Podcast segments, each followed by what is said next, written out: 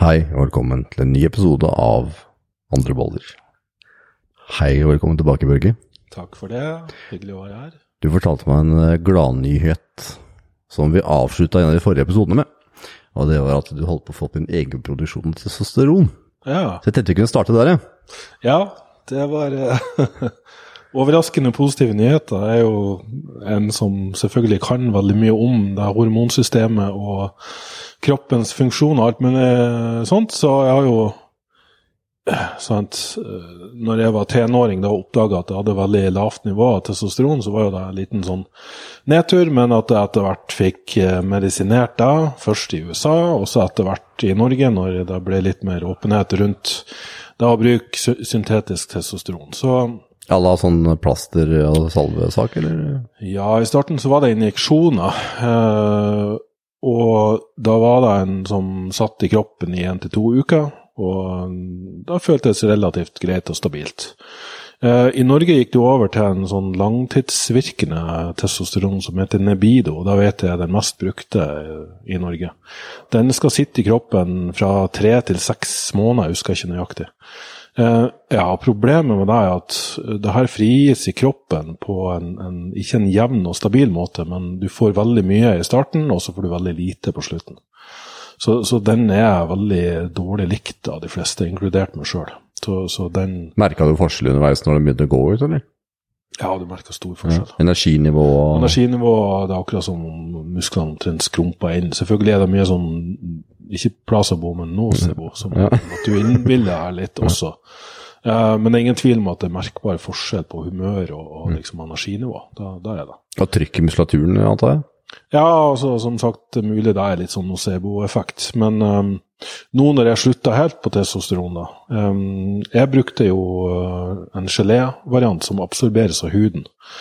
Uh, og en av grunnene til at jeg ønsker å slutte med det, her er jo nummer én. Det er litt sånn ego i det å ha en kropp som fungerer. Altså produsere testosteron sjøl. Når du liksom skal framstå som en autoritet og være så kunnskapsrik på kroppens prosesser.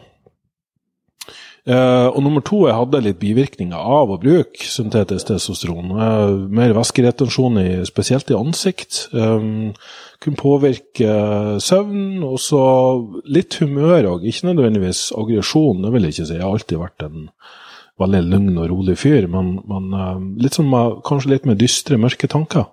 Litt, litt sånn, da. Eh, og det har selvfølgelig mange, kan ha mange årsaker, da, så jeg skal ikke peke fingeren på eh, det mannlige hormonet, men at du får en sånn um, ja, syntetisk styrt i stedet for en egenprodusert, fordi alle hormoner um, produseres i sykluser. Så altså du har pulser av produksjon i løpet av en dag. Eh, det er kroppens naturlige måte å regulere det her på. Men sånn som i USA så bruker man veldig mye hormonterapi, og særlig passerer man 35-40 år, så er det veldig mange som begynner å bruke det. Da er det en negativ greie å bruke, eller? Eh, Det positive er jo hvis det er gjenoppretta normalnivå, eh, fordi du har for lave nivå. Men det jeg kanskje nå begynner å, å bli mer åpen for, er at eh, grunnen til at du har for lave nivåer, som i mitt tilfelle, er at du, du er rett og slett underernært. Altså Selv om du spiser nok eh, og mye og alt det der, det er jo som de sier at overvektige kan være underernært. Selv om de spiser eh, massevis av kalorier, så får du ikke dekka grunnleggende næringsstoffer. Og, og ikke bare er det jo matvalg, men også fordi den maten vi har eh, tilgang på i dag, jo har jo mindre næring nå enn den har for 50 år siden, pga. jordsmonnet har endra seg og miljøpåvirkning generelt. Um, sånn at jeg har jo en, en filosofi som går på at man skal spise mest mulig naturlig mat, og ikke um, belage seg på kosttilskudd. Men jeg har blitt mer åpen for at enkelte mennesker og kropper kanskje trenger, er avhengig av spesifikke kosttilskudd en periode for å gjenoppbygge seg sjøl. Sånn at når helsa er optimal, og i mitt tilfelle handler det om å få metabolismen, altså forbrenning av stoffskiftet, på topp, det har vært veldig lavt veldig lenge. Når jeg fikk det opp Var veldig lenge, Børge. av og på i ganske mange år, nettopp fordi jeg har brukt så mye tid på diett, kaloriunderskudd. Eh, og omtrent vært liksom avhengig i gåseøynene da, av å gå på diett for å holde en lav fettprosent. Um, og vi har jo sluppet litt tak i det ekstreme behovet for å være liksom så rippa, altså lav fettprosent. Så kunne jeg begynne å gjenopprette kroppens metabolisme, og det har jo ikke bare en positiv effekt på at du brenner mer fett, faktisk. I bunn og grunn gjør du det når du øker I mitt tilfelle jeg, jeg spiser 1000 kalorier mer enn jeg gjorde før. Og jeg holder samme kroppsvekt. Ja, uten å være mer i bevegelse. Så, så, det er ikke et rent matematisk eh, problem, liksom. At spiser du lite og holder vekt, eller ikke klarer å gå ned i vekt, så er det ikke sikkert at å spise enda mindre vil gjøre at du klarer å begynne å gå ned i vekt. Så kalori inn, kalori ut er ikke helt uh, matematisk riktig, må du? Blir, altså de kaloriene blir jo uh, holdt rede på av kroppen på en eller annen måte, men det er ikke så enkelt som at du kan se utelukkende på kaloriverdien i det du spiser, og prøve å beregne fram til kaloriverdien i det som kroppen forbrenner. Fordi hvis du øker forbrenninga, da sies det jo sjøl, da brenner kroppen mer kalorier. De brukes mer effektivt, ikke, ikke nødvendigvis til lagring heller. Og det er jo et, et mål vi kaller næringspartisjonering. Hvor styres kaloriene i kroppen? Går de til oppbygging og restitusjon og metabolske prosesser? Energiproduksjon? Har du mer energi? Overskudd? Hjernen forbrenner jo masse energi. Vet du hva som går hvor, og hvor mye som går hvor? og sånn? Vet du det? Eh, det er akkurat der det er så store variasjoner at uh, hvis du klarer å optimalisere metabolismen og forbrenninga di, så er det større sannsynlighet for ikke bare at du holder frisk, fordi du har et mer velfungerende immunforsvar, et immunforsvar som bekjemper virus og bakterier, og heller ikke bekjemper eller angriper kroppens egne vev, som i autoimmune tilstander. Det er òg avhengig av at du har en velfungerende, uh, velfungerende metabolisme. Uh, men at uh, må jeg spørre om noe, Børge, før du får lov til å fortsette? Ja, så autoimmune sykdommer, er det en konsekvens av at man måtte ikke passe på at metabolismen sin gjør den jobben den skal, eller? Ja, jeg vil faktisk si det. Det er jo vist at um, det her kan ha en mitokondriell dysfunksjon. Altså at, sånn som vi prata med Thomas Seifert om tidligere? Nettopp, ja. Og at kreft også spores til det. Så, så, at veldig mange sykdommer kan relateres til at vi rett og slett er underernært og har veldig stor miljøpåkjenning. Det, det, det tror jeg de fleste kan være enig i. Så kan vi absolutt sitte og diskutere detaljene i det her, og, og hvor det stammer fra, og hva man kan gjøre med det. Det finnes nok mange veier til Rom, som det heter. Men jeg absolutt overbevist om at å, å liksom ha en kroppstemperatur nær det optimale, altså du skal ligge rundt 37 grader Hvis du ligger på 36 grader, én grad under, så er det veldig mange metabolske prosesser som ikke fungerer, og du har lavere toleranse for virus og bakterier. Ja, absolutt. Det er jo mange bakterier. Det er jo derfor vi får feber. Det er for å hjelpe immunforsvaret å bekjempe virus. Og Hvis du da har en, en eh, konstant høyere kroppstemperatur, så vil jo det være ganske logisk å anta at kroppen er bedre på å bekjempe virus. F.eks. nå når jeg har gått gjennom det her og fått min egen metabolisme opp. Jeg har jo økt min egen kroppstemperatur med en halv grad. Så mye? Så det, det, er ganske mye. Oi. Um, har du endra veldig kosthold, eller hva er det som uh, Nei, jeg vil ikke si jeg har gjort så store endringer. Jeg spiser my mye mer frukt. Det gjør jeg. Frukt? Frukt, tørka frukt. Um, jeg drikker mer melk enn jeg har gjort før. Uh, men da Røros gårdsmelk, altså ikke homogenisert og lav, den grønne. Um, bruker fremdeles ganske mye proteinpulver. Um, jeg spiser ikke like mye kjøtt. Kanskje jeg har kutta litt ned på kjøttinntaket, men jeg, har fremdeles like høyt proteininntak. Um, jeg er veldig påpasselig med å ikke få i meg vegetabilske oljer. Eh, i en sånn reparasjonsprosess, så er det ganske viktig. Så mine fettkilder er fra melkeprodukter, eh, kjøtt og kokosnøttolje. Eh, eventuelt MCT, da. Um, og uh, for eksempel uh, Jeg har jo tidligere snakka om at uh, jeg, hadde, jeg, har en gutt som har gått i barnehage, og han drar med seg alle mulige virus hjem. ja. Og da blir pappa alltid syk, mens samboeren ikke blir det. Mamma holder seg frisk, pappa blir syk. Eh, og nå skjedde det samme. Han begynte i barnehage, kom hjem, øh, var forkjøla. Jeg kjente og begynte å klø i halsen nesten med en gang jeg så gutten. Så det er et eller annet rart som skjer der. Men min forkjølelse eh, Etter to, to dager og to natter så var jeg omtrent frisk. Ja, Og da er jeg vel ca. en tredel så, så lenge som normalt. da. Jeg pleier å gå over ei uke av hoste og harke hos typer. Så, så, akkurat der merker jeg en stor forskjell. Men um, tilbake til poenget, da. Um, med å spise nok. Jeg har tatt litt sånn spesifikke kosttilskudd. Passer på å få i meg nok B-vitaminer, blant annet. Uh, og det har Men enkel B-vitaminer eller uh, kompleks? Jeg har faktisk uh, tatt tilskudd av ølgjær.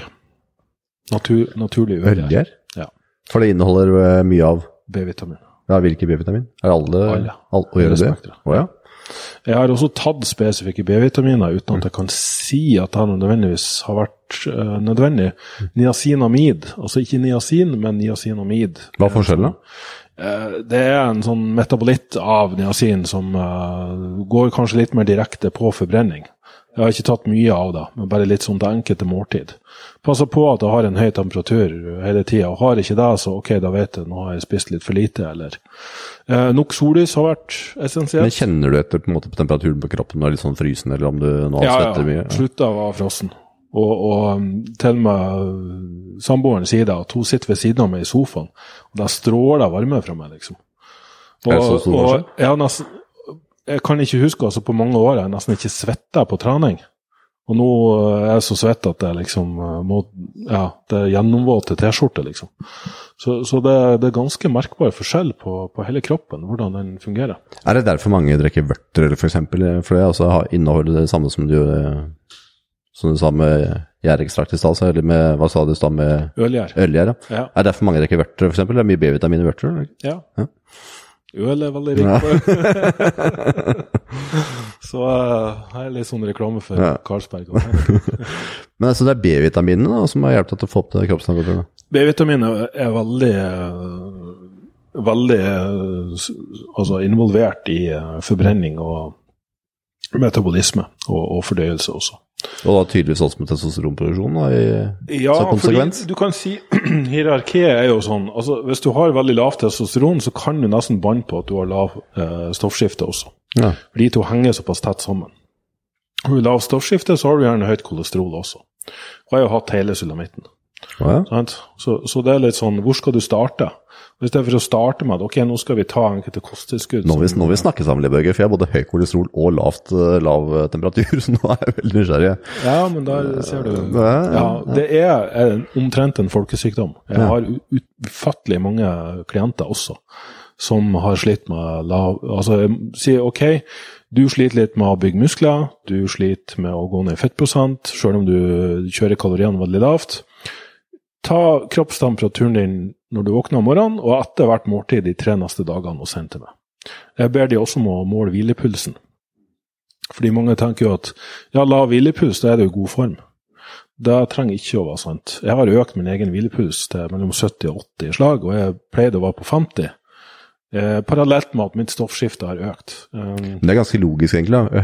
Øker temperaturen, så øker også pulsen for å få, klare å forbedre dette. riktig. Så det er klart at om en eliteidrettsutøver har lav hvilepuls, kan det være fordi han stresser kroppen så mye som han gjør. Og så er det mange som ikke vet at eliteidrettsutøvere har ofte veldig dårlig kosthold. Dårlig kosthold og lavt testosteron. Ja, Ja. Jeg vet ikke hvor mange idrettsutøvere jeg hjelper også som har hatt lavt testosteron. ja. Men igjen, hvis det er en, en trend du ser, at du bare sliter med å få resultater, ber du om å måle kroppstemperatur og, og puls, og omtrent i 100% av tilfellene så har de lav temperatur og puls. Så da går vi inn aktivt, og så jobber vi med det. Og her er sollys veldig viktig også, fordi kroppen er faktisk avhengig av nok, eh, ikke bare UV-stråler, men infrarød stråling. Og Derfor at sånn rødlys og infrarød Så den infrarøde badstua mi som jeg prater om til stadighet, den er altså pluss. Yes, yes. Det har vi jo snakka om tidligere. Meget viktig. Så jeg har sjøl investert i bare sånn her eh, lyspære da, som gir Altså, Da selges jo sånne ekstremt dyre sånn infrarød um, LED-lys. Som panel eh, på nett, liksom, til, fra 6 til 20 000. Jeg har en lyspære som koster 200 kroner, og den gir faktisk akkurat samme effekten. Og avgir mye mer varme, da. Så det er sånn varmelampe, liksom. Eh, og skinner den kanskje 20 minutter på, på hals, og her har du jo både um, skjoldbruskkjertel og også thymuskjertelen, som produserer immunforsvar. Og den kan regenereres med infrarødt lys. Ja.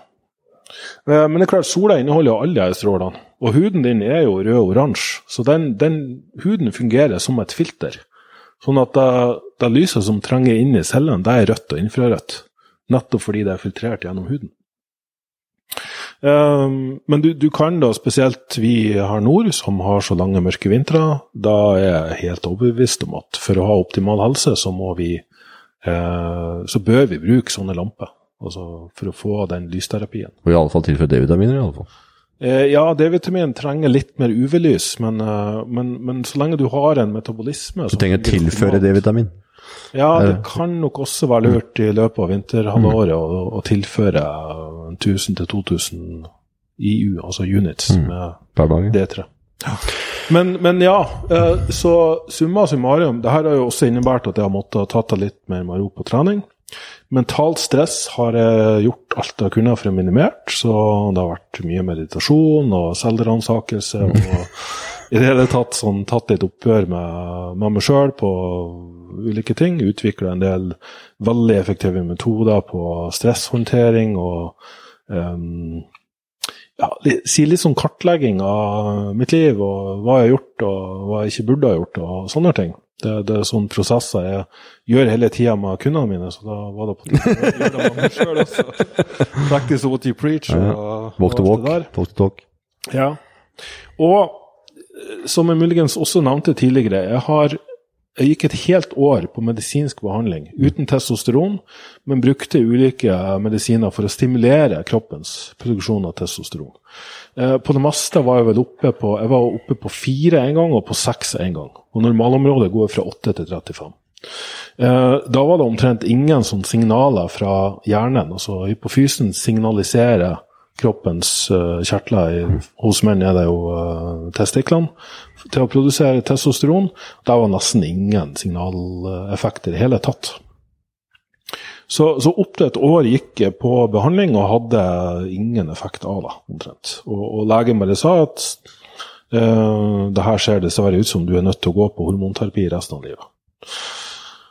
Men som jeg da også sa sist, så ønska jeg å se om det var mulig å få til med litt sånn regenerering av uh, kroppens funksjon. Um, jeg tidligere har trent veldig mye, gått nesten konstant på diett, gjort alle mulige dietteksperimenter og, rett og slett vært litt sånn lite snill med meg sjøl, da. Sjøl om jeg kanskje har innbilt meg at jeg har vært det. Mm. Uh, så nå snudde jeg alt. Tillot meg sjøl å spise mye mer, og faktisk tillot meg sjøl å gå litt opp i vekt. Eh, som etter hvert førte til at det begynte å gå ned i vekt på like mye kalorier. Veldig interessant. Um, og jeg tok da blodprøver fem uker etter at jeg hadde slutta på testosteron. Og må huske på omtrent det meste av forskning og, og, og sånn, det, det, er gjengs oppfatning at du bør vente tre til seks måneder før du kan forvente å se testosteronproduksjon i hele tatt. Etter fem uker perfekt kolesterol, perfekt stoffskifte. Testosteron var på 8. Ja, Normalområdet går fra 8 til 35. Jeg hadde lave nivåer av noe som heter SHBG, som er noe som kan inaktivere eller binde opp testosteron. Det var òg veldig lavt, så mitt frie testosteron, som er en veldig viktig indikator, da, den var normal. Jeg hadde normale signaler fra hjernen, så jeg kan forvente i løpet av de neste ukene at jeg havner på et normalt nivå. Hva var det som gjorde i Kosta at kolesterolet ble normalisert? Høyere stoffskifte. Ja. Så, så, det er For hvis du har lave triglycerider, men du har høy, høyt kolesterol, så kan det være så enkelt som at stoffskiftet ditt er, er for dårlig. Og, og, det som også er litt interessant, der er at hvis du går til legen og ber om å få en blodprøve på stoffskiftet ditt, så får du en verdi som heter TSH, altså tyroidestimulerende hormon, og så får du T4. Og, og, til og med min fastlege sa at ja, det er ikke noe vits å teste T3. Så sa jeg ja, men jeg vil at du skal teste. For T3 er det bioaktive stoffskiftehormonet. Så du kan være normal på T4, men allikevel under normalen på T3. Og det er det jeg har hatt tidligere. Og de sier at normal TSH er fra 0,5 til 4. Ganske vidt spenn, da. Ja. Jeg vil si at 4, da har du et stoffskifteproblem. Vil, du bør være rundt 1-1-tallet. Så jeg var jo da rundt 1-tallet, og uh, T3 var innenfor øvre del av normalområdet, og T4 var helt perfekt. Så da var veldig gode indikatorer, og, og, og de signalene fra hypofysen eh, var normale, akkurat der de skulle være, helt midt i. Uh, og, og, ikke sant, det her var de var på 1 og, og 0,5 liksom, uh, tidligere, når jeg gikk et helt år og prøvde det her med medisiner. Du har spist noenlunde samme, ikke sant? Ja, jeg vil jo egentlig si det. Jeg har spist mer, da. Jeg har gradvis eh, økt mitt kaloriinntak. Passer på de mikronæringsstoffene. Det er, det er, fortsatt det samme. Det er liksom melkeprodukter, det er proteintilskudd, og det er på en måte bacon. og Det er det, er, det, er det samme tinga som du har spist hele tida. Det er faktisk det. Og så er det litt mer B-vitaminer? Ja. Og lysterapi. Eller ja. da sollys, først og fremst, men nå i større grad øh, lampe. Så jeg har også brukt Jeg må kanskje òg nevne et kosttilskudd som heter pregnenolon. Og Det er det såkalte moderhormonet, som du kan få i kapselform lovlig. Og da er da, da danner, ja, For det her er ikke hormonelt i den forstand. Det er derfor at det er ingen som ser ser noen problemer det. Men i en periode der du Si at du har en kropp som er drevet av stress, stressbasert. Da har du veldig stor fallhøyde, du er veldig skjør og ømfintlig. liksom. Da, da mye av det pregnolonet det skyves over til kortisol i stedet for til liksom, eh, østrogen, testosteron og alle de tingene der. Så, så det liksom bidrar til eh, Det er en del av den kjeden som fører til hormonproduksjon. Så i seg sjøl kan det ikke gi noe, men i en prosess der du reparerer metabolismen, så kan det ha en veldig positiv effekt.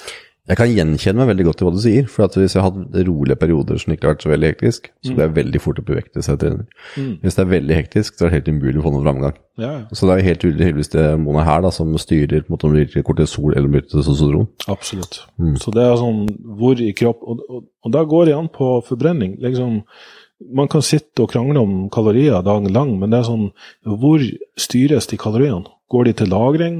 Går de til muskler? Blir de brukt til energi? Driver de metaboliske prosesser?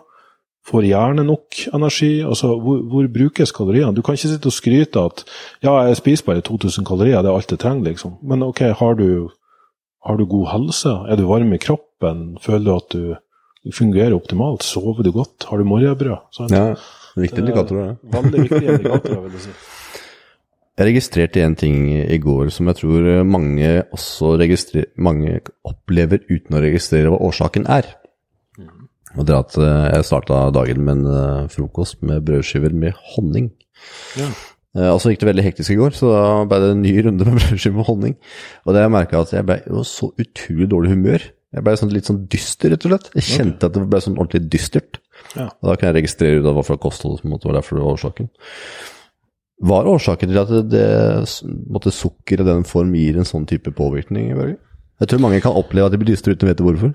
Ja, men jeg tror nok det her er hva som er underlaget av uh, næring og helse. Uh, fordi i mitt tilfelle, når jeg spiser både honning og til og med sukker, så opplever jeg å faktisk få litt bedre og mer stabilt humør. Eh, men det, det, det, fordrer jo at du har et, et uh, kost... For, for, det som skjer når du spiser sukker og karbohydrater generelt, det er at det i seg sjøl stimulerer metabolismen. Så jeg, hvis jeg ser at jeg ligger litt lavt på temperatur, jeg pleier jo liksom følge med der nå siden det er en liten, liten sånn reparasjonsprosess. Ja. Bruker du veldig ofte denne temperaturen oppi stumpen da, for å sjekke temperaturen flere ganger om dagen, eller åssen det funker? Ja, jeg bare fire buksa hvor som helst. Sto, sto på togstasjonen her i stad og bare stappa et termometer opp i rumpa. Det er godt å høre. Nei da, du måler selvfølgelig, i munnen, da. Det ja. måler under tunga. Eh, men hvis jeg ser at ok, nå er ikke det spesielt høyt, så kan det være nok å spise litt frukt eller ta ja. honning i kaffen. et eller annet sånt. Ja, det kan det, ja. ja. Men eh, det som da skjer, hvis du stimulerer forbrenninga uten å ha nok byggesteiner der, altså mm. uten å ha nok kalorier Det var det som var problemet i går. Ja, og det er jo det som også skjer, som mange merker hvis de f.eks. drikker kaffe på tom mage. Så kan man bli litt sånn Du blir veldig høy, og så blir du litt shaky. Og det er jo fordi da går kroppen tom for næringsstoffer. Så jeg har nesten konsekvent begynt å drikke kaffe med fløte, og av og til litt honning i, eller eh, til og med brunsukker. Du har det, ja? Og da merker jeg at jeg blir mye mer sånn stabil og jevn. Men jeg prøver også å drikke kaffen etter jeg har spist, og ikke før jeg har spist. Sånn kroppen har kalorier å jobbe med. Jeg kom med et spørsmål til deg før uh, vi starta opptaket. Børge. For jeg kom rett fra en treningsøkt, og da har jeg drukket en uh, ja, energidrikk som da skal tilholde noe kunstig sukker av et eller annet slag. Ikke Ja. noe koffein eller noe annet. Og jeg kjente det at uh, jeg fikk høy puls, og jeg har hatt angst før, og jeg kjente at det var litt samme til følelsen som kom litt tilbake igjen. Jeg ble veldig urolig. Ja. Så får jeg si at uh, før vi starter opptakeren, må jeg passe på så jeg puster rolig, jeg kikker med kløppe galt. Nå er det pusten på forhånd. Jeg tror jeg klarte å roe meg ganske godt ned nå. Hva er eh, årsaken til at denne ga en sånn innvirkning, Børge? Er det fordi at kaloriene i dag da har vært litt for lave i forhold til å tilføre deg kunstig sukker på den måten, eller? Ja, for du har jo akkurat pumpa ut en god del stresshormoner i kroppen din. Eh, og, og litt avhengig av hva du har spist før trening, så er det litt sånn Om du hadde tatt en proteinshake i tillegg, og kanskje passa på noen gode fettsyrer, om, om så tatt noen biter med mørk sjokolade, liksom, eller en proteinbar, så, så, så, så tenker jeg at du hadde opp, fått en helt annen opplevelse av det. For det er det som, som er, altså du, du bør ha komplette måltid med, med nok næringsstoffer. og eh, Spiser du kun sukker, så får, kan man oppleve et problem, fordi da går blodsukkeret opp, så føler du det veldig bra no, kanskje noen minutter, og så stuper det, og så går kroppen over i sånn stresshormonmodus. da. Det var et viktig tall jeg ikke tok med, da. Det var at jeg spiste en sånn big bar samtidig som jeg drakk den andre greia her. Ja, akkurat. Du burde ha tatt en proteinbar fra Mario. Ja, den blir ble gjort. Så hvis jeg hadde tatt uh, proteiner sammen, så hadde den uh, mest sannsynlig ikke gitt samme effekten. Ja, for du vet, det her blir en såpass liten karbohydratdose at, at hadde du um, Si at du har fått i deg 30-40 gram protein, og så kanskje til og med økt den her til 60-80 gram. Det her er jo, Jeg tror du har drukket halve flaska, og det er liksom 10 gram karbohydrat. Så, så det er jo ikke mye. Nei. Så da kan hende rett og slett at du fikk en liten stigning i blodsukkeret, og så ble det her sugd opp med en gang i muskulaturen. Fordi etter trening så suger kroppen opp eh, karbohydrater i musklene uten bruk av insulin.